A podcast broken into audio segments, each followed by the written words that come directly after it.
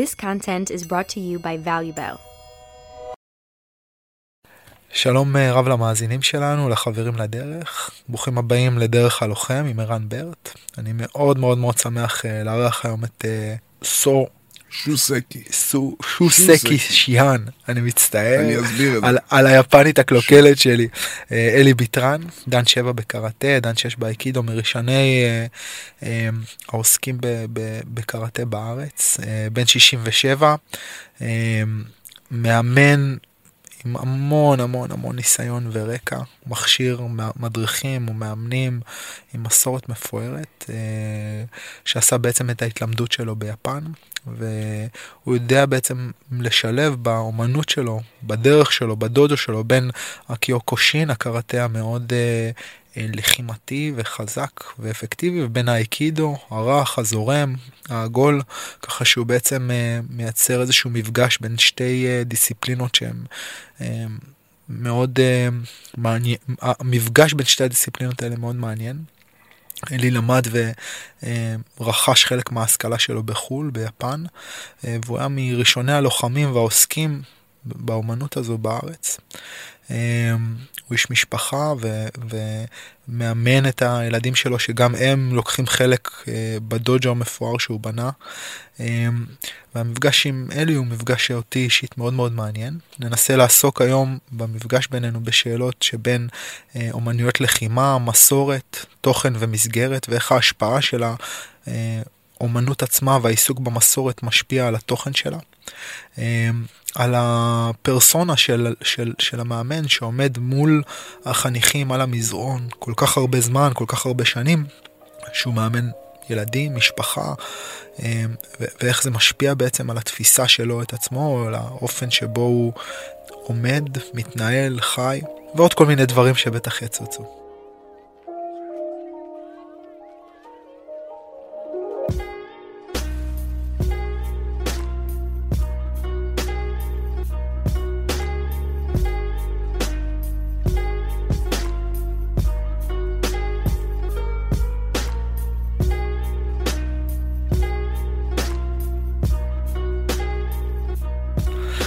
אז, אה, אז אולי תספר לנו כאילו איך הכל התחיל. הרבה פעמים אני שואל את האנשים שנמצאים מהצד שלך, אה, איך הם פגשו או מתי הם פגשו פעם ראשונה אומנות לחימה, מתי נדלק, נדלקה הנורה, ובדרך כלל אנשים שהם יותר אה, אולי צי, בגיל שלי, לא צעירים, כן, בגיל שלי, אבל בדרך כלל אנחנו ראינו סרטים, ברוסלי, ואן דאם, כל מיני כאלה, ומשם יצא איזשהו ניצוץ, כאילו ניצוץ איזשהו...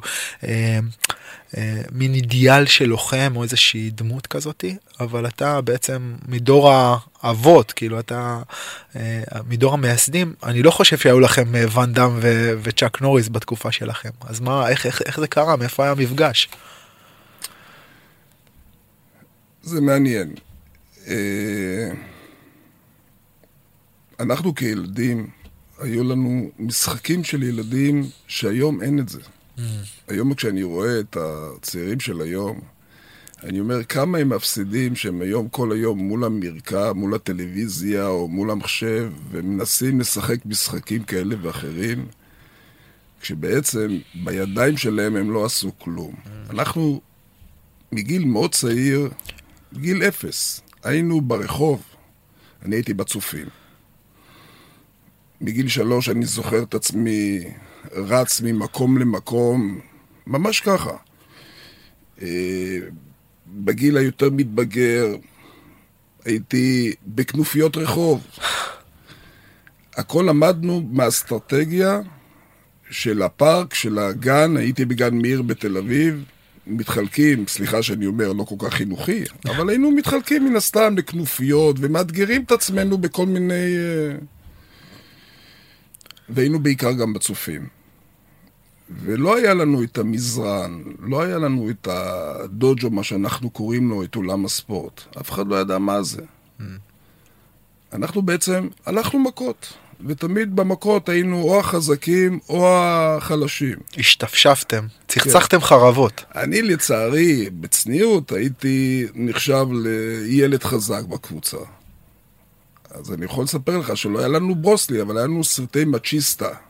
אתה מכיר את הסרטים האלה? אתה לא מכיר. אני מכיר, אני, אני מכיר את השם, כי לבת שלי הכינוי שלה זה צ'ימבליסטה, אה, על כן. שם הג'יסטה, אבל האמת שאני לא זוכר, שאני לא זוכר, זה, זה כינוי של סבתא שלי או של אמא שלי. אז אנחנו היינו הולכים לסרטים, היה קולנוע מתמיד, Mm. והיה קולנוע דן בתל אביב.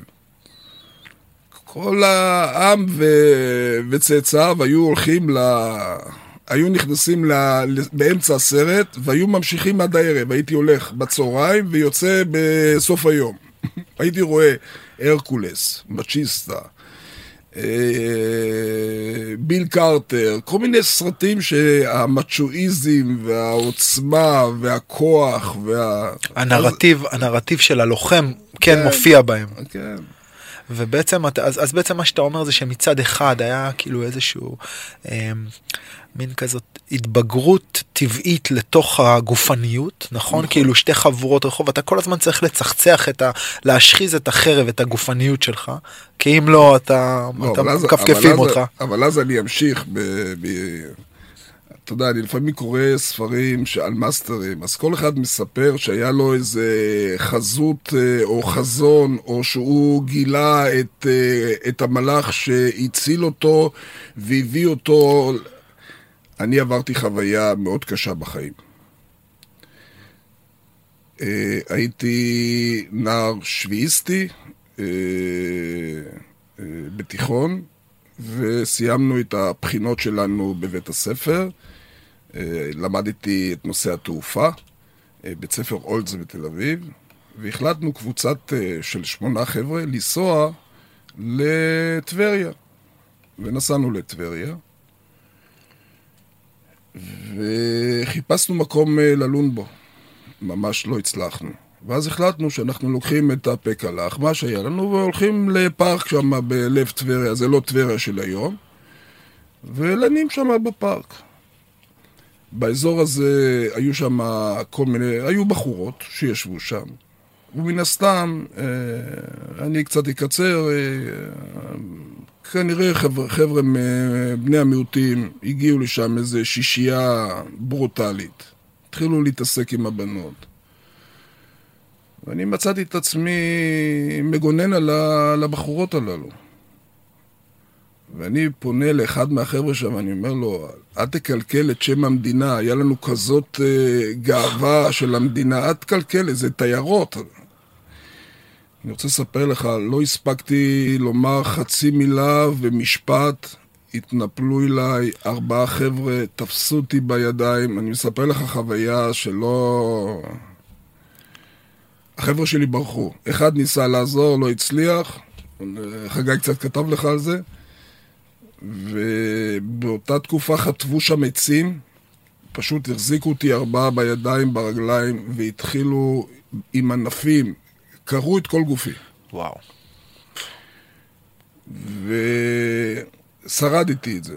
נשארת שמה שותת דם והחבר'ה שלך והחבר'ה ברחו ממש ברחו. וואו. אחד ניסה לעזור לי, אבל הוא סיפר שהוא היה מאוים, לא יודע, סכין, כפית, לא יודע מה, הוא ברח. תשמע, חבר'ה צעירים, מה הם... גם לא, אה, גם לא אני- חוויתם אני- משהו כזה כן. בעבר.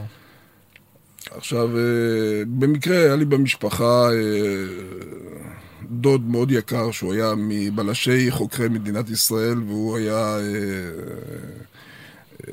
הדוד ג'אקו קראו לו, הוא כבר לא, לא בעולמו, לא חי. ולא ויתרנו. באותו לילה כבר תפסנו את החובט, באותו לילה. אבל זו הייתה חוויה מטלטלת, שבעצם אמרה לי, אתה חייב ללמוד אומנות לחימה. ומשם התחלתי לחפש את עצמי. ידע, ידעת, ידעת שיש דבר כזה אומנות לחימה? כלומר זה משהו שידעת או שכשאתה אומר הרגשתי שאני צריך ללמוד אומנות לחימה זה אומר הרגשתי שאין לי כלים בעצם יש, יש איזה חוסר אונים יש איזה משהו כזה בעולם שבעצם אני חשוף אליו ואני צריך לרכוש כלים כדי לדעת להתמודד עם מצבים כאלו. מי שהיה אז היה אימי. אימי הוא היה ממייסדי הקרב מגע, או אימי, שמה שנקרא אה, קרב מגע ישראלי. אה, כשאני התחלתי לטייל אצלו, היה בפינסקר, ברחוב פינסקר זה אולם אחד יחידי בתל אביב. היו עוד כמה כאלה שהתחילו לפתח את זה פה בארץ, אה, היה גם את דני סנובר, אבל דני סנובר הוא היה רחוק יותר. אתה מדבר בעצם, אתה היום בן 67, אתה מדבר על שבעים, היית בן 17, זה אומר לפני 50 שנה. כן. אז, אז כשאתה אומר על אימי, זה מעניין אותי עוד פעם ברמה האישית. אימי, מי שלא יודע, הוא, הוא בעצם ממציא, מחדש הקרב מגע, הוא ממציא הקרב מגע לפני, נכון. הקרב, אחרי קאמי, הקפא"פ. ו- קאמי, בדיוק. ו, ואז בעצם, אתה מה, אתה, אתה יודע על זה כחברים שלך מתאמנים, אתה יודע כחיפשת, אין אינטרנט, אין, אה, זה לא מופיע, אין ברושורים, אין... אין אה, כלום, אין כלום. אז אין איך כלום. מוצאים? כאילו איך בכל זאת אתה יודע? אה, אני חושב ששיחות שהיו לי עם כל מיני גורמים, אמרו לי, "תן- תלך ל... יש את טימי, הוא הוא היה קרוב אליי, אני הייתי גר ברחוב חשמונאים, בשבילי להגיע לפינסקר זה לקחת אה, אוטובוס, שאומנם אה, מגיע בחצי שעה, אבל להגיע עדיין. ל... עדיין להגיע אליו לפינסקר. והייתי שם זמן מה, לא הייתי הרבה זמן ממש. ואני זוכר, אה, התמונה שהיא הייתה מאוד ברורה, אני זוכר שאימי פנה אליי ואמר לי, תשמע, אתה בחור שיכול אה, להפיק תועלת מתחום הספורט, אני מציע לך שתלך תעשה קראטה ותעשה זה זה. קיבלתי איזשהו כיוון. הוא הכווין אותך. כן, כלומר, הוא לא כן, אמר לא, לך לא. בוא תשאר אצלי, אה, לא, אלא לא, ממש לא, ממש לא. אני רואה איזשהו פוטנציאל, כן, ממש לא. מאוד חיובי. אה, אני מן הסתם, אחרי כמה שנים, עשיתי את אחד הקורסים הראשונים שהיה במכון וינגייט לקרב מגע ישראלי. אחד הראשונים. ובאמת הגעתי לדוג'ו של גדעון קדרי. ואני מאוד ממליץ לכם לראיין אותו. גדעון קדרי הוא... אה, שמעת על שמו? כן. גדעון קדרי, אתמול בערב דיברתי איתו. אנחנו בראש השנה, ואני אף פעם לא שוכח. גדעון קדרי בעצם אה, עיצב את אישיותי כ... כלוחם. קודם כל כלוחם. גדעון קדרי בעצם היה הראשון, הראשון שהביא מיפן, הר... התלמיד הראשון של מסו טאצו אויאמה. מסו טאצו אויאמה הוא אחד מגדולי הקראטה ההיסטורי ביפן. ביתרונות ובחסרונות, היו יתרונות והיו חסרונות. אבל uh, סיפורו של מסו טאצו אויאמה היא מאוד מאוד ידוע. אויאמה, כשאנחנו מדברים על אויאמה, אנחנו מדברים על אויאמה הג- הגדול. אויאמה, כן. טאצו הוא זה שפיתח את הקיוקושין והתחיל קיוקושין ביפן. הוא הרי מקורו חצי קוריאני. הוא הביא את השיטות, הבעיטות המשונות שבקראטה לא הכירו בהם, זה מהחגורה ומטה. הלואו קיק וה... אני קורא לזה גדן מוואשיגירי, הלואו קיק זה הפך להיות אה, ישראלי כזה. אה, קרב מאוד חזק. שרק, שרק חזקים ידעו לשרוד בו. אז אני שם, אני עושה איזה framing, אני שם את זה. במסגרת. בעצם אויאמה היה ה- הממציא של שיטת הקיוקושין. עד נכון. אז הקראטה היה די סכמטי, קצת כזה אמ, אה, מאוד, אה, בתפיסה שלי מקוטע קצת.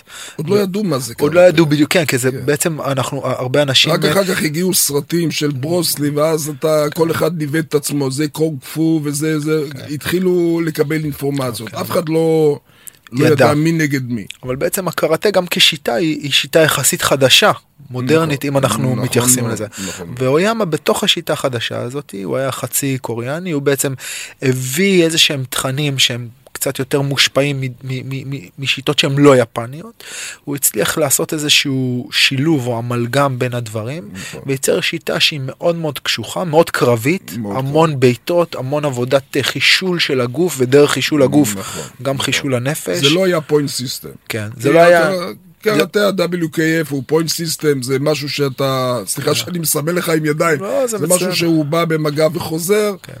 פה לא, פה המגע משחק משחק שאפילו הניקוד לא בא לידי ביטוי אם אתה במגע או לא, אתה חייב להיות פה fighter ולהוריד אותו לנ- לנוקאוט. אז הרבה פעמים בעצם האספקט התחרותי הוא מקרין על האומנות ועד אז הקראטה היה קראטה של יותר סימונים או מגע מוגבל. נכון. בא אויאמה ואמר אוקיי חבר'ה יש לי פה איזה עד משהו פה. משהו אחר עד אנחנו לוחם הוא לוחם בזכות כוח הנחישות, העמידות, נכון, הס- היכולת שלו לספוג ולהכיל גם אתגר אה, פיזי, אבל גם אתגר מנטלי, כי בסופו של דבר הפיזי והמנטלי קשורים אחד לשני. והוא שם דבר בעולם המונות לחימה, הרבה כבוד מכל הכיוונים, בן אדם מאוד קשוח, מאוד עמיד, מאוד רזיליאנס, הוא נדקר פעם, נכון, הוא, הוא, הוא כאילו יש עליו כל מיני סיפורים, נכון, מהפר ועד לזה, ואז... אמרתי, אה, יש סיפורים חיוביים, שליליים, כן, ניכנס לחיובי. תכף, תכף, תכף ניגע בהכל, ואז אה, אויאמה הגדול, שעוד פעם בכל העולם יש אה, מכבדים אותו והשם שלו הוא מיתוס, וגדעון קדרי בעצם היה תלמיד שלו, כן, דרך אגב, הוא ימה כבר לא חי היום. כן. כן. הוא היה תלמיד גדעון, שלו, כן.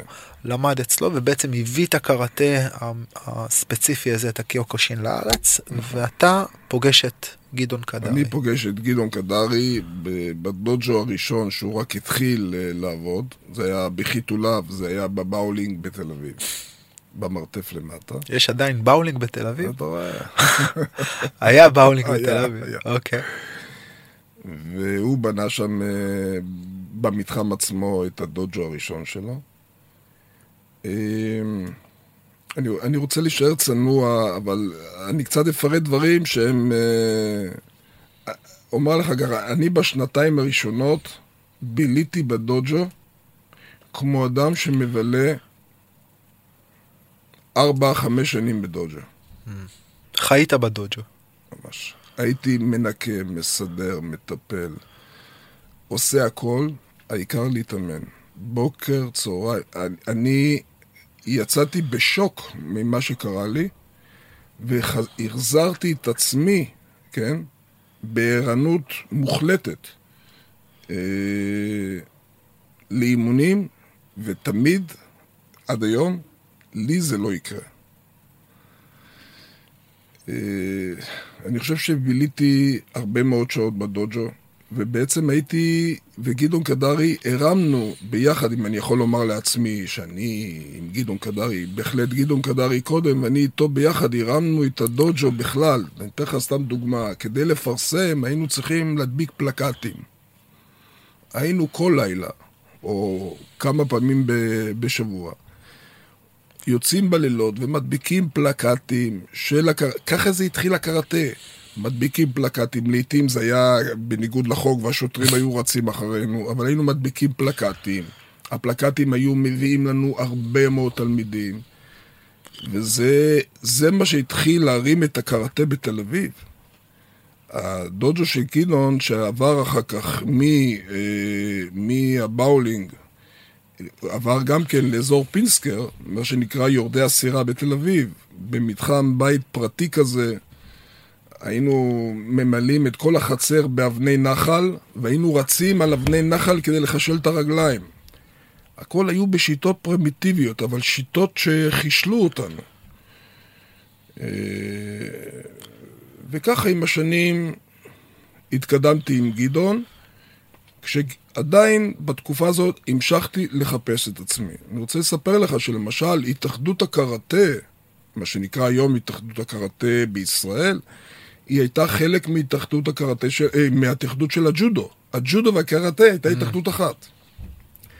ואני זוכר את הדיונים הראשונים במכון וינגייט, שבהם היו שותפים אנשים בכירים, דני סנובר, גדעון קדרי, אדמונד בוזגלו, אני לא יודע אם אתה מכיר, זה אנשים שאני חושב שכדאי שאתה גם תראיין אותם, כי זה באמת אה, חבר'ה שהביאו את זה בדמם אה, פה לארץ. והאנשים האלה, אני זוכר, היינו בישיבות ראשונות במכון וינגייט, איך לאחד בין הגורמים השונים, שזה ג'ודו, שהג'ודו עדיין לא התחיל להיות uh, ספורט אולימפי, רק בשנות uh, 63 התחילו להרים, uh, אם אני לא טועה, התחיל uh, קצת, עד שבא יונה מנליק חברי היקר, רק אתמול הצטלמתי איתו, שהוא בעצם, יונה מנליק היה uh, מאמן של כל אותם אנשים שאנחנו היום רואים, uh, יושבי כמו פונטי ואחרים, חברים שלי גם, שהם בעצם היום uh, uh, יושב ראש הג'ודו. היו תלמידיו, ועד שנפרדו, כי כל אחד לא מצא את עולמו בתוך בית אחד, והקראטה, אה, התאחדות הקראטה בישראל התחילה להקים את עצמה גם כן מחוסר הבנה מה קורה. האם אנחנו עושים point system, או אנחנו עושים מגע מלא. כמו כל דבר שהוא בחיתוליו, היה, ויש הרבה... היה קצת בלאגן. ניסיון לייצר איזשהו סדר כן. ובהירות, והרבה פעמים זה פוגע באגו של אנשים, או בצרכים של נכון, אנשים. נכון, ו... נכון. אוקיי. אבל דווקא שם אה, אני מצאתי את עצמי כן לאחד בין הדברים. עשיתי גם את זה וגם את זה. תלמידים שלי, אפילו חגי, כן? מה שאנחנו מכנים אותו קיושי חגי. דן חמש, הבן שלי. הוא עשה תחרויות של point system. הוא זכה אפילו, נדמה לי, מקום שני או שלישי באליפות ישראל, כילד. והיו לי תלמידים נוספים שזכו גם במקומות, אה, ב... לא יודע אם זוכר עם מקומות ראשונים, אבל בין השאר בין המקומות הראשונים. עשינו גם את זה וגם את זה. למדנו לחיות עם כל מצב. אני חושב שהכל אה, בסופו של דבר הוא די דומה, אבל פחות מגע. אוקיי, אז, אז זאת הנקודה ההיא, ואתה בעצם בדודו של אה, גדעון, ואתה עדיין בעצם מנסה לאפיין, או בעצם לייצר איזושהי דרך או בהירות בשבילך בתוך החיפוש הזה, אתה עדיין לא יודע בדיוק מה הדרך שלך, אבל מה שכן, אבל אתה מספר ואני, ואני יכול להזדהות עם זה גם ברמה האישית וגם היום כשאני רואה תלמידים, שאתה מגיע לתוך הדוג'ו ופתאום אתה, אתה רואה בו בית, וזה מקום שיש איזושהי כמיהה פנימית לבלות שם כמה שיותר זמן. אתה, אתה עושה דברים שהם פיזיים במהות שלהם, זה לא משנה אם זה בעיטות או קאטות או עמידות או ריצות על חלוקי נחל.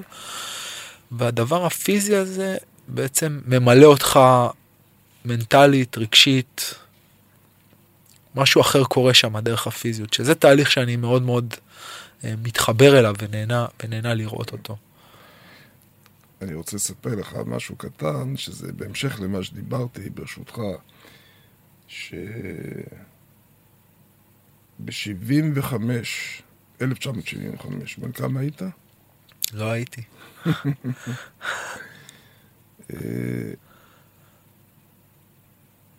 הוחלט uh, שנצא לייצג את ישראל ביפן. אני חושב שאני יכול לתת כמה דברים בעניין הזה. זה ממשיך את מה שאתה אמרת. יותר, יותר מאשמח. כן. עכשיו, uh, אני הייתי קיוקושין, uh, גדעון קדרי קיוקושין, אבל היינו צריכים להרכיב נבחרת. זה מאחד את הדברים שאמרתי לך מקודם. ואז בנו נבחרת. אוקיי, אז, אז שנייה, אז אני, אני אשים עוד פעם, כן, אני אצא, כן. כי הרבה מאוד מהמאזינים שלנו לא, בעצם לא יודעים מה כן. זה. אוקיי, אז, אז, אז א', אני רוצה ש, שתסביר טיפה על מה זה קיוקושין, וכשאתה אומר mm. לצאת ליפן, בעצם אתם יוצאים לאחת האליפויות הראשונות, הראשונה או אחת הראשונות? הראשונה, הראשונה. אליפות, הראשונה. אליפות העולם הראשונה בקיוקושין. כאילו, אני, אני רוצה שהרבה מאוד מהחבר'ה שלנו שהם אה, מאזינים פה אולי, אז אתה יודע, אנחנו חיים עכשיו בעולם שהכל אה, הוא כבר, אין, אין דברים חדשים. כאילו, הכל מאוד נגיש, אתה יודע, ה-UFC היה לפני, לא יודע מה, 20, 20, 25, 30 שנה. אז היה UFC. אז מי שהיה קיוקושין זה היה UFC. ואז האליפות הזאת של הקיוקושין זה כאילו היה משהו אקסטרים ברמות שקשה לתאר. כאילו, ואתה יוצא ליפן, האליפות הראשונה זה כאילו נבחרת ישראל בעצם מתחילה להתגבש סביב הדבר הזה. אוקיי, אז א', אולי תסביר לנו מה זה היה קיוקושין ואיך זה נתפס אז. מה בעצם עושים שם, איך נראית אליפות. ואז אולי על ההמשך של איך, איך, איך מתגבשת הנבחרת הזאת. תראה, קיוקושין מדבר על הדרך הקלה והדרך הקשה. השין, הלב, נפש, רוח, בתוך האומנות הלחימה אה, האגרסיבית, נתנה המון ביטוי בשדה הקרב. אה, כמו שדיברנו על זה מקודם, זה היה מגע מלא, שההתקפות הן חופשיות מהחלק התחתון ועד החלק העליון, לא ניכנס לתרגילים כאלה או אחרים. כלומר, אפשר לבעוט או לגעת גם ברגליים, גם, כן, ב... נכון. גם במרכז המסה, נכון. ובראש... ללא מגנים. ללא מגנים, ללא מגנים. אין, אין מגנים. אין מגנים. מי שלא מכיר, זה, זה בעצם, זה מאוד קשוח על הגוף. לבעוט בלי מגנים ובלי שום בעצם איזשהו בולם זעזועים בין העצמות, זה משהו שהוא... לוקח מחיר מהגוף. כמובן שאסור לפגוע בראש. ואסור לפגוע עם אגרופים בפנים. נכון. אין מגע של ידיים בפנים, אבל כן מותר לבעוט לראש. נכון, נכון. וכשאתה אומר מגע מלא, זאת ההגדרה של מגע מלא בעצם בתחום של אמנות לחימה. נכון. זה בעצם, זה מגע שהוא אגרופים, ידיים לכל חלקי הגוף, וחוץ מהפנים, ובעיטות לכל חלקי הגוף, גם עם הפנים. פוטנציאל הנזק שם הוא גבוה, כלומר לקבל בעיטה מאיזה אמן לחימה, מישהו שבועט אלף בעיטות ביום, והרגל שלו פוגשת את הראש שלך, זה לא מאורע כיפי. אנחנו מדברים על UFC, אז אני יכול לספר לך שבתקופה הזו, בשנות ה-60, יצאו שני שליחים של אויאמה, מסוטצו אויאמה, שהראשון זה היה אה, קייצ'ו טדשי נקמורה, קייצ'ו זה המורה שלי, התואר שלו טדשי נקמורה, והשני שיגורו אויאמה. שניהם, שיגורו אויאמה גם כן נפטר לפני כמה שנים, שיגורו אויאמה וקי... וטדשי נקמורה בנו את הקיוקושין בארצות הברית בניו יורק. הם כבשו את כל הקראטה בניו יורק. כבשו. היו להם מלא תלמידים. למה, למה הם כבשו? איך אתה יכול להסביר את זה? תשמע, הקראטה הזה הביא הרבה מאוד מכל המגזרים, ובמיוחד השחורים שהיו אנשים פיזיים. מאוד מאוד פיזיים, כן? הם היו פיזיים חזקים מאוד. וזה זה עשה את שלו. ובגלל, זה- אולי בגלל שהקראטה הזה הוא גם קראטה מאוד פיזי ומאוד אפקטיבי, בסופו של דבר, נכון. כש, זה, זה משהו שתמיד באמנויות לחימה יש, כששני אמני לחימה נפגשים אחד מול השני ועושים קרב, בסופו של דבר יש מנצח ויש מפסיד. כלומר, יש מישהו שמצליח לשלוט בקרב ויש מישהו שלא. וכשאתה מגיע עם איזשהו סוג של טכנולוגיה, או איזשהו סוג של טכניקה שהיא עדיפה, אפשר לזהות את זה בסופו של דבר, והקיוקו שין בגלל הקשיחות שלו ובגלל זה שהוא בעצם מתעסק מאוד מאוד מאוד בפרקטיקה, אז כשנפגש מישהו מקראטה קיוקו שין עם מישהו מקונג פו, קראטה שוטוקן או איזה משהו שהוא טיפה לא קרבי באותה מידה, תן לקראטיסט קיוקו שין לא, להיפגש, תיקח את הקיוקושין עם האגרוף תאילנדי. יש הרבה, הרבה דומה ביניהם. הרבה דומה. הרבה מאוד. אז היה ביניהם אה, באמת, אה, רצו מאוד את החיכוך הזה. אז נקמורה באמת עשה קרב עם אחד מהחבר'ה, זה היה קרב ידוע ביפן שהיה. עשו, הוא, הוא ניצח את אחד התאילנדים הבכירים שלהם. אה, ואז קיוקושין בעצם... אה, התחיל לספוג ו- התחיל אה, להראות אה, גאווה. אמרתי לך, יש פה הרבה משחקי אגו, אבל אה, התחיל אה, להרים כנפיים ולהגיד, אנחנו הם הטובים ביותר. אתה יודע מה, אולי, אולי, אולי ניקח את השאלה לשם, כי אני מרגיש שזה לגעת בה. כאילו, בעצם כשאתה מלמד קראטה, אתה מלמד טכניקות פיזיות שמביאות לפעמים אנשים. לקצוות שלהם ומאמתות אותם עם איזשהו פחד או איזשהו... אתה עושה קרב בכל הכוח, האגרופים נזרקים, הבעיטות נזרקות, אתה בעצם, אתה, אתה נמצא באיזשהו מצב קיצון. מה בעצם אתה מלמד? מה בעצם אתה מלמד? אתה מלמד רק את הטכניקה, אתה מלמד משהו אחר? מה, מה, מה המהות בלימוד הזה בעצם? שאלה טובה. אני מחלק את השאלה שלי לשתיים, והתשובות שלי יהיו שתי תשובות. הראשונה זה גיל הצעירות שבי, שהיה הרבה מצ'ואיזם והיכולת להראות כמה שאתה חזק, שוויצריות והרבה אגו, ואני מתנצל על זה. והשלב השני, של לחפש את האומנות.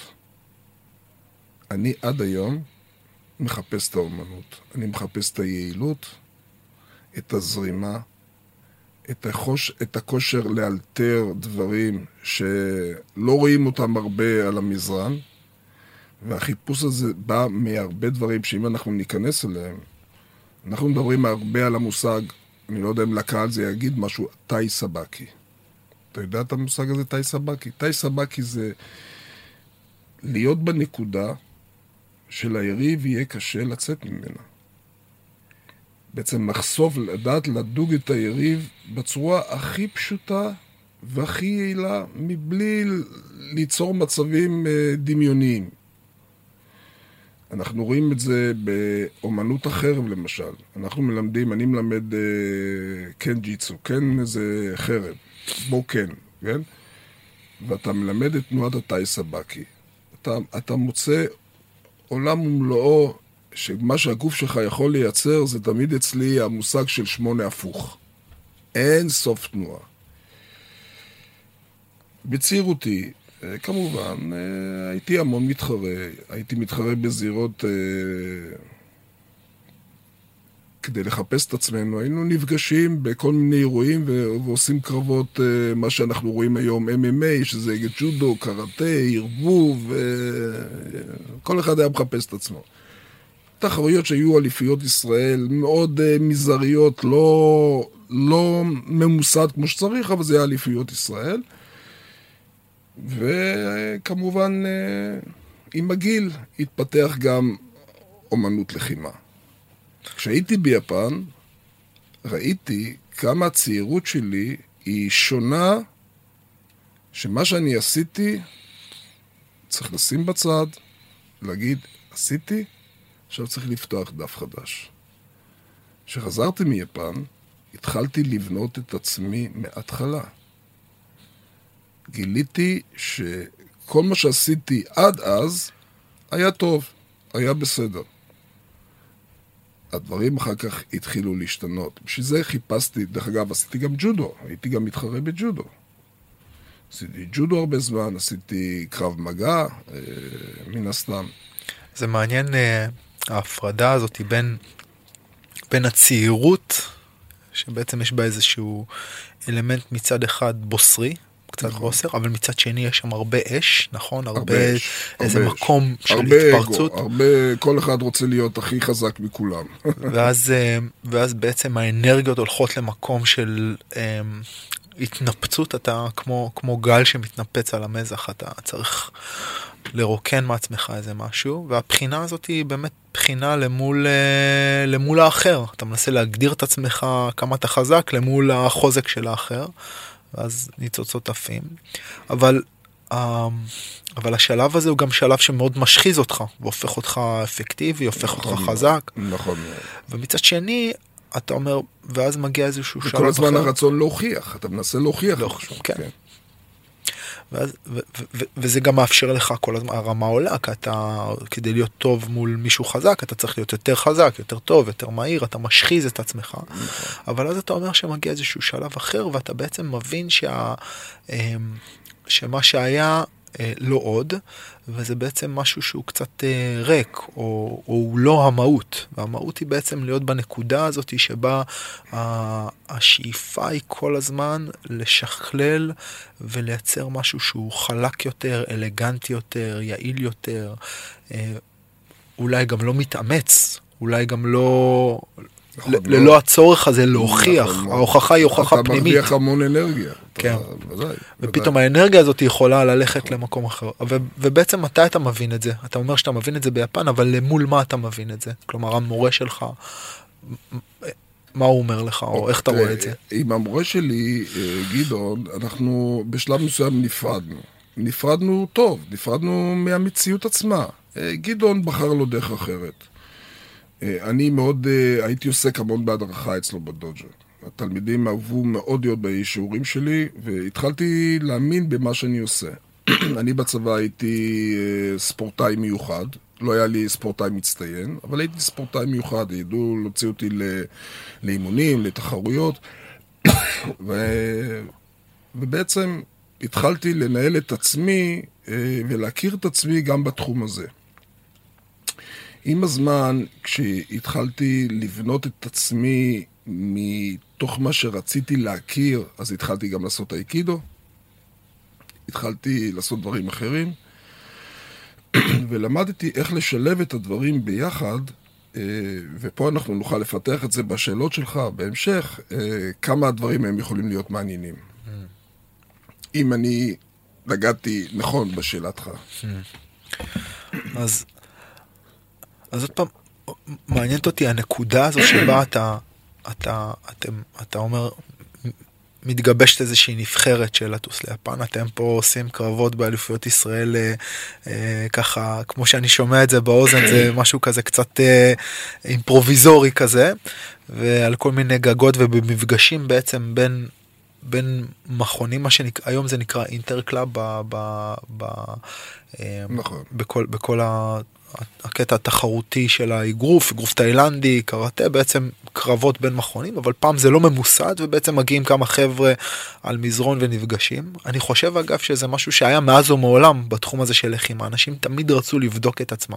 נכון. תמיד יש את השאלה הזאתי, כאילו, מי אני באמת? אז ב, בתפיסה אולי הלחימתית, איזה אמן לחימה אני באמת? ו, ו, ואם אין לך קרב או מלחמה לבדוק את זה, או...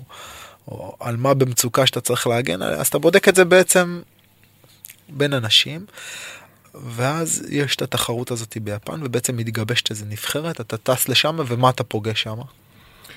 אז ככה, מי שהיו חברי הנבחרת היו גדעון קדרי, דני סנובר, אדמונד בוזגלו ואני. אני הייתי בן 21, כולם uh, בגילאים uh, של עשר שנים יותר ממני. Uh, ואני חושב שאני הייתי המתחרה הכי צעיר בכל התחרות הזו. ושם אתה נפגש עם מציאות קשוחה ביותר. אני יצא לי להתאמן בבית ספר אה, לפני התחרות וגם קצת אחרי. בבית ספר, כלומר של... בהונבו דוג'ו. הונבו דוג'ו זה המרכז הבינלאומי של הקיוקושין ביפן, בטוקיו. בית הספר, האוניברסיטה של המרכזית. מסו טאצויאמה. אני זוכר איזה יום שהגעתי, פתאום אני רואה איזה קדילק אה, לבנה מגיעה, יוצאים שלושה, ארבעה חבר'ה שומרי ראש, מלובשים בבגדי קיוקושין, שזה חליפה צהובה עם הסמלים, עומדים, יוצא אויאמה, פוגש אותי. עכשיו, הוא מסתכל עליי, כי אני הייתי עם חליפה עם פסים שחורים. והתברר לי שלא הולכים עם חליפות כאלה בטוקיו. כי זה מייצג כאילו את הארגון הקוריאני. אבל זה אמרו לי, תלך עם זה, אז הלכתי עם זה, אבל אחר כך למדתי שלא הייתי צריך להיות עם זה. ואז הוא מביט בי, אומר לי, אה, אוקיי, הוא עושה לי ככה, אוקיי, אוקיי. ואז עלינו, אני יצא לי להתאמן עם אחד המתחרים, קראו לו אושי. אה, העולם היה עולם עליון ששם היו מתאמנים כולם, אבל במרתף היו מתחממים. היה שם משקולות, היה שם אה, זירה, היו, היו מתאמנים. אני התאמנתי עם... אה, ואני מסתכל עליו כשאני מתאמן איתו, ואני מביט ב- בפנים, כל השיניים שלו שיני זהב. אז אתה צריך להבין ממה, ממה הוא חטף ומה הוא קיבל בראש. ובחור מאוד חזק, אה, אבל מאוד קשוח. ביום שאתה מנצח יפני בזירה, בדוג'ו, נצמדים אליך כל היפנים, כל, נצמדים אליך כמות גדולה של יפנים, נותנים לך עוס, קידה, רוצים כבר להיכנס לזה. אתה, אתה מרגיש שאתה הסתבכת. הקטע הרוחני והיכולת שלהם להוכיח שהם יותר טובים ממך, אצלהם זה בדם. זה מוטיב... אני זה drive, לך- זה אני- drive מאוד מאוד חזק, זה כן, אני אתן מוטיבציה. לך דוגמה, אני הכרתי שם כמה ש... שהפסידו בתחרות, באליפות הזו, יפנים. בשבילהם זה היה מכת שוק. הם הלכו, בכו, היו במצב קשה מאוד, עשו קרחת על הראש. בשבילהם זה... אבל, אבל, אבל. אין מילה אחרת. בושה. כן. זה גם תרבות, זה, ש- זה קשה לראות את זה, אבל. כן, אבל, זה, אבל זה תרבות שהבושה היא בעצם פקטור מאוד מאוד חשוב. כלומר, הכבוד למול הבושה. אם כן. אתה בעצם זוכה בכבוד, אתה מוכן למות בשביל הכבוד, נכון. ואתה מוכן למות למול הבושה. הם שניהם... אבל, אבל אה, תראה, כשאני... תשמע, יש דברים טובים ויש דברים לא טובים. הדברים הטובים שלמדתי זה... ואני מאוד מכבד אותם עד היום, כי אני פשוט גם מתנהג ככה. אתה תבוא אליי לדוג'ו, אתה תראה את דוג'ו הכי נקי בעולם, בארץ. בארץ. סליחה שאני אומר, אתה תיכנס לשירותים, זה כמו שתיכנס, היית בשירותים ביפן. אתה יכול לאכול מהרצפה. ממש ככה. אתה תראה סדר, ניקיון, יש דברים נהדרים ביפן. אתה, אתה, אני, אני זוכר, הייתי נוסע ברכבת, הייתה מישהי ברכבת יושבת, והיה איזה נייר ב, ברכבת, היא מוציאה שקית, מרימה את הנייר, מכניסה לשקית, ואת השקית מכניסה לתוך התיק. הם כאלה. אתה נכנס לבית מלון, יש מטריות, אתה יכול לקחת זוג אופניים או מטריות, אתה מחזיר את זה. אין... אה, אה, מדהימים. אבל יש דברים שלא תמיד, אה, אני כאיש מערבי, ממדינה דמוקרטית, מאווירה אחרת, לא תמיד uh, קיבלתי. אתן לך סתם דוגמה, אויאמה למשל, מה זאת תץ אויאמה? הכריח את היפנים לנצח בתחרות. אני לא אכנס לזה עכשיו, כי זה סיפור מאוד מאוד קשה. ו... קשה לי אפילו לספר את זה עכשיו, כי אמנם זה נכתב קצת בספרים, אבל הוא הכריח את, ה, את היפנים לנצח, כי באחת התחרויות ביפן, שלפני התחרות הזאת היה משהו על שוטוקן, אם אינני טועה, ביפן תחרות שהיפנים הפסידו. והוא שם את חותמו, ואני לא אגיד מה הוא רצה לעשות, אבל הוא שם את חותמו על התחרות הזאת, שאין דבר כזה שיפסידו היפנים. לא משנה מה. לא משנה מה. תמות על הזירה. וזה יצר הרבה בעיות, וזה אחת הסיבות שהרבה אה, פרשו אחר כך מהקיוקושים, כולל אה, שיגורו ים, תלמידו הוותיק, ונקמורה. ואני אחרי עשר שנים השכלתי להבין שאני צריך לעזוב גם, ועברתי לסיידו, לקייצ'ו טדשי נקמורה. ואם תרצה, נדבר קצת על סיידו, אבל... אה, בעצם הנקודה הזאת... אז אתה, אתה מבין, אה, יש פה דברים שחשוב ש, שנכיר אותם. יש דברים טובים ויש דברים... אה, בעצם הגאווה הזאת, הגאווה היפנית שהרמון מדברים עליה. נכון. זה שלנו. נכון. אגב, רואים את זה בג'ודו לפעמים, כאילו, אני, נכון. אני ראיתי את זה גם ב, ביפן. ממש בג'ודו רואים את זה. כשאני... אתה רואה, אם כי כבר היום יותר מערביים, הם יותר... פתוח, אבל, אבל עדיין יש איזה משהו, זה כן. יפני, ובגלל לא. שזה יפני זה שלנו, ואין אופציה אחרת חוץ מלנצח, ובאמת... והם גם טובים. הם... אתה לא יכול לא להיות טוב. אבל בעצם שם. ההבנה הזאת, אני זוכר את זה מיפן, של לעשות קרב מול יפני, והתחושה שהוא יכול למות על המזרון, אני יכול לשבור לו את היד, אני יכול לאלף אותו, והוא לא ידפוק, הוא לא ייכנע. כי להיכנע על המזרון שלו, מול המורה שלו, לגי... לזר, זה, זה בושה. ומול הבושה אתה יכול, אתה יכול, אתה, אין בעיה לאבד את עצמך, העיקר לא, לא, לא לאבד את הכבוד. ובעצם כשאתה רואה את זה, או כשמערבים רואים את זה, הערך שלנו, ערך הצדק שלנו, כאילו, הטוב ינצח, אז אם הטוב לא יכול לנצח בגלל שהמסורת לא מרשה את זה, או הבושה לא מרשה את זה, אז אני לא בטוח שזאת האמנות שאני צריך לעשות. ואתה יודע מה, אולי זה באמת המקום לדבר על, ה, על הדיסוננס הזה, או המתח הזה שבין מסורת ובין קדמה, נכון? כי יש פה איזה משהו כזה בעצם. נכון. הקדמה אומרת, תביא לי טכניקה יותר טובה, תהיה יותר טוב, תנצח, מגיע לך. אבל פה בעצם אויאמה, או מי שמחזיק את המסורת, אומר לא. לא, המסורת תנצח. היפנים ינצחו כי היפנים מחזיקה, המסורת תנצח. אתה מגדיר את זה יותר טוב ממני. פוס, אני נהנה, לשמוע את זה מהצד. לא, אתה מגדיר את זה נכון. אוקיי, והיום בתור מורה, כשאתה עומד ובעצם אתה מדבר על הדודו שלך, והדודו שלך הוא שם דבר, אני לא הייתי בדודו שלך, אבל אני יודע שזה באמת המקום הכי נקי בארץ שמשמר את ערכי המסורת היפנית ומשמר את הרוח, נכון? נכון. כאילו זה, אנחנו מדברים על שימור הרוח. נכון. ואיך אתה מתייחס לזה היום ממקום של מורה, שגם מסתכל, ואני בטוח, נגיד מההיכרות שלי עם, אה, עם חגי הבן שלך, שהוא מצד אחד עוסק בדבר, ומצד שני גם מחדש, וגם רואה, וגם עושה את זה. אה, אז, אז איך, אתה, איך אתה היום כמורה, שמכשיר מורים, אה, מגשר על, ה, על, על שני, שתי הקצוות האלה. ובכלל נשמע שאתה איש של קצוות, עוד פעם, אה, סיידו או קיוקושין, סיידו, סליחה, או, או קיוקושין מצד סי אחד. זה כנות, דו זה דרך, דרך כנה. סי, יפה, כקונטרה, ל... כקונטרה לחוסר הכנות. או- אוקיי, אז, אז איך אתה מגשר בעצם בין הדבר הזה? בין, ה, בין המסורת מצד אחד, לבין הקדמה והגילוי והחידוש מהצד השני? אני חושב שהיום ילדים, אם אני לוקח ילדים שמתבגרים ועושים אה, אומנות לחימה, קל מאוד, הייתי אומר, אה, להפנט אותם, או אפילו לאלף אותם. סליחה שאני אומר את זה במילת אה, כזו קשה, אבל זה נכון. למשל, אה, ילדים אצלנו בדוג'ו.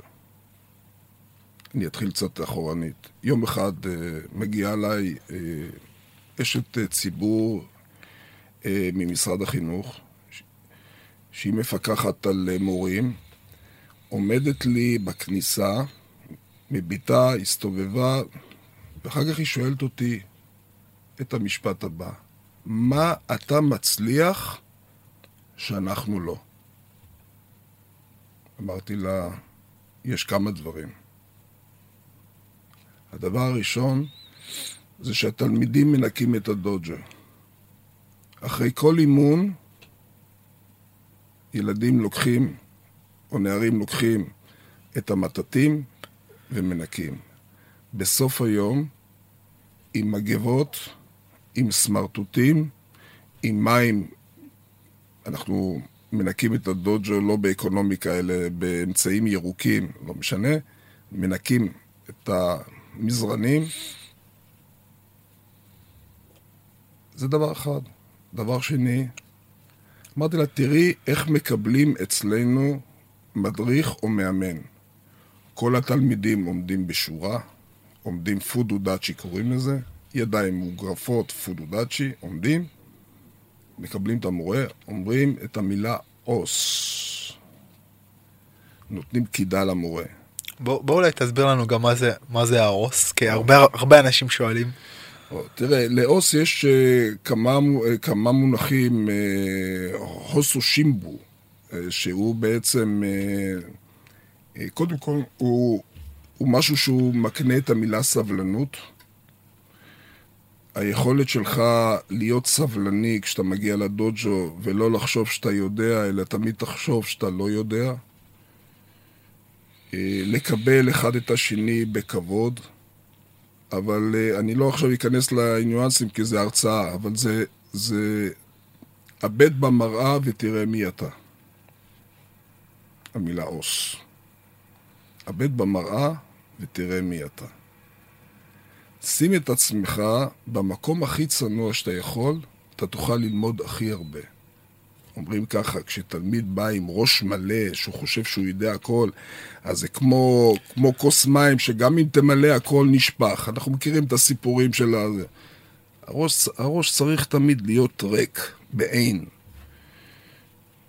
אה, וגם צניעות. כשאנחנו נותנים קידה ולובשים לבן, אנחנו בעצם, גם את החגורה שאנחנו נושאים על עצמנו, זה קודם כל שאתה בא לדוג'ו, אתה נותן קידה ואתה אומר לעצמך, אני נקי. מה שיש בחוץ לא מעניין, גם אם זה מעניין, פה זה אחרת.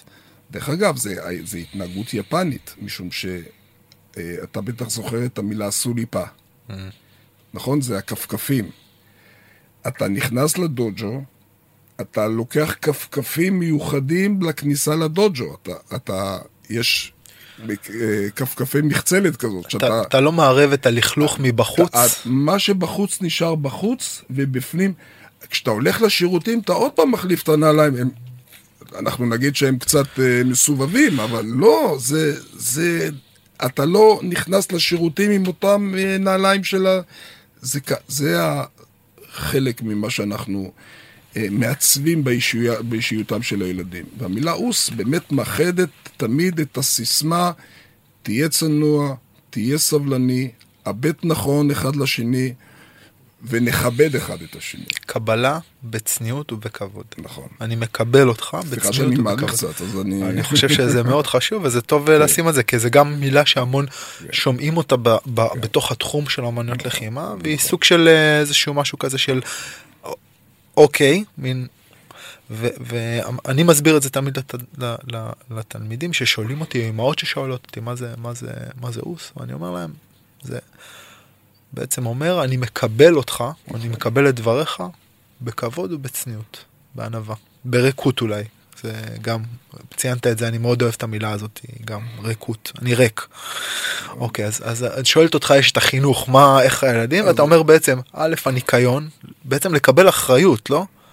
הניקיון שהם בעצמם עושים, הם, אני לכלכתי, אני הזעתי, נכון? ואני מכין את השיעור אה? הבא לתלמיד כן. שיבוא אחריי, שהוא יהיה נקי. זה אולי הבדל בין אה, לקוח, נכון? בין לקוח לבין תלמיד. לקוח בא, משלם לך כסף, ומגיע לו, מגיע לו לקבל, אבל תלמיד משלם לך כסף, אבל הוא, הוא גם צריך לעשות משהו. נכון? יש לי משהו להגיד לך בעניין הזה. אנחנו אמרנו אוס. אוס זה גם מהמילה שאומרים הרבה ביפנית, עונג האישימאס. הנהגה אישימאס. עונג האישימאס. עכשיו, מה זה העונג האישימאס? למה מורה צריך להגיד עונג האישימאס לתלמיד? אני לא יכול להציג כי אתם לא מצלמים אותי, אבל אתה יודע, כשאני רוצה לתת לך משהו, אז אני נותן אותו עם הראש למטה יותר, ומי שמקבל אותו הוא עם הראש למעלה יותר. המאסטר שלי, המורה שלי, כשהוא נותן לי את התעודה, הוא, הוא כמעט משתחווה כדי לתת לי את התעודה. מה זה הדבר הזה? זה חלק ממסורת יפנית שאומרת שאם אתה קיבלת ממני, אני צריך להגיד לך תודה. וזה עונג הישימאס. אומר המורה לתלמיד, תודה שאתה בא לאימון, עונג הישימאס, דוזו, בבקשה. הכבוד, העונג שלי. ולכן אנחנו רואים פה דברים ש... ב... ב... כך היום בבתי הספר. נפסקה המילה לבוא להגיד למורה המורה. פונים היום למורה בשמה, והמורה הופכת להיות חלק מתלמיד.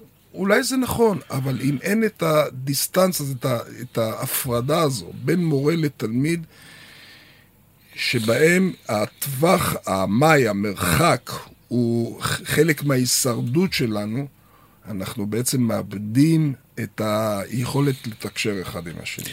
כלומר, מה שאתה אומר, וזו נקודה חשובה לדעתי, זו נקודה מאוד מעניינת, אני, אני חושב עליה הרבה, שבעצם המרחק הזה, או בעצם המסגרת הזאת, אוקיי, אנחנו שמים על עצמנו איזשהו סוג של מסגרת, ההדרת כבוד והמרחק הזה שבין מורה לתלמיד הוא משהו שהוא חשוב ומשמעותי לתלמיד בתהליך הלמידה שלו.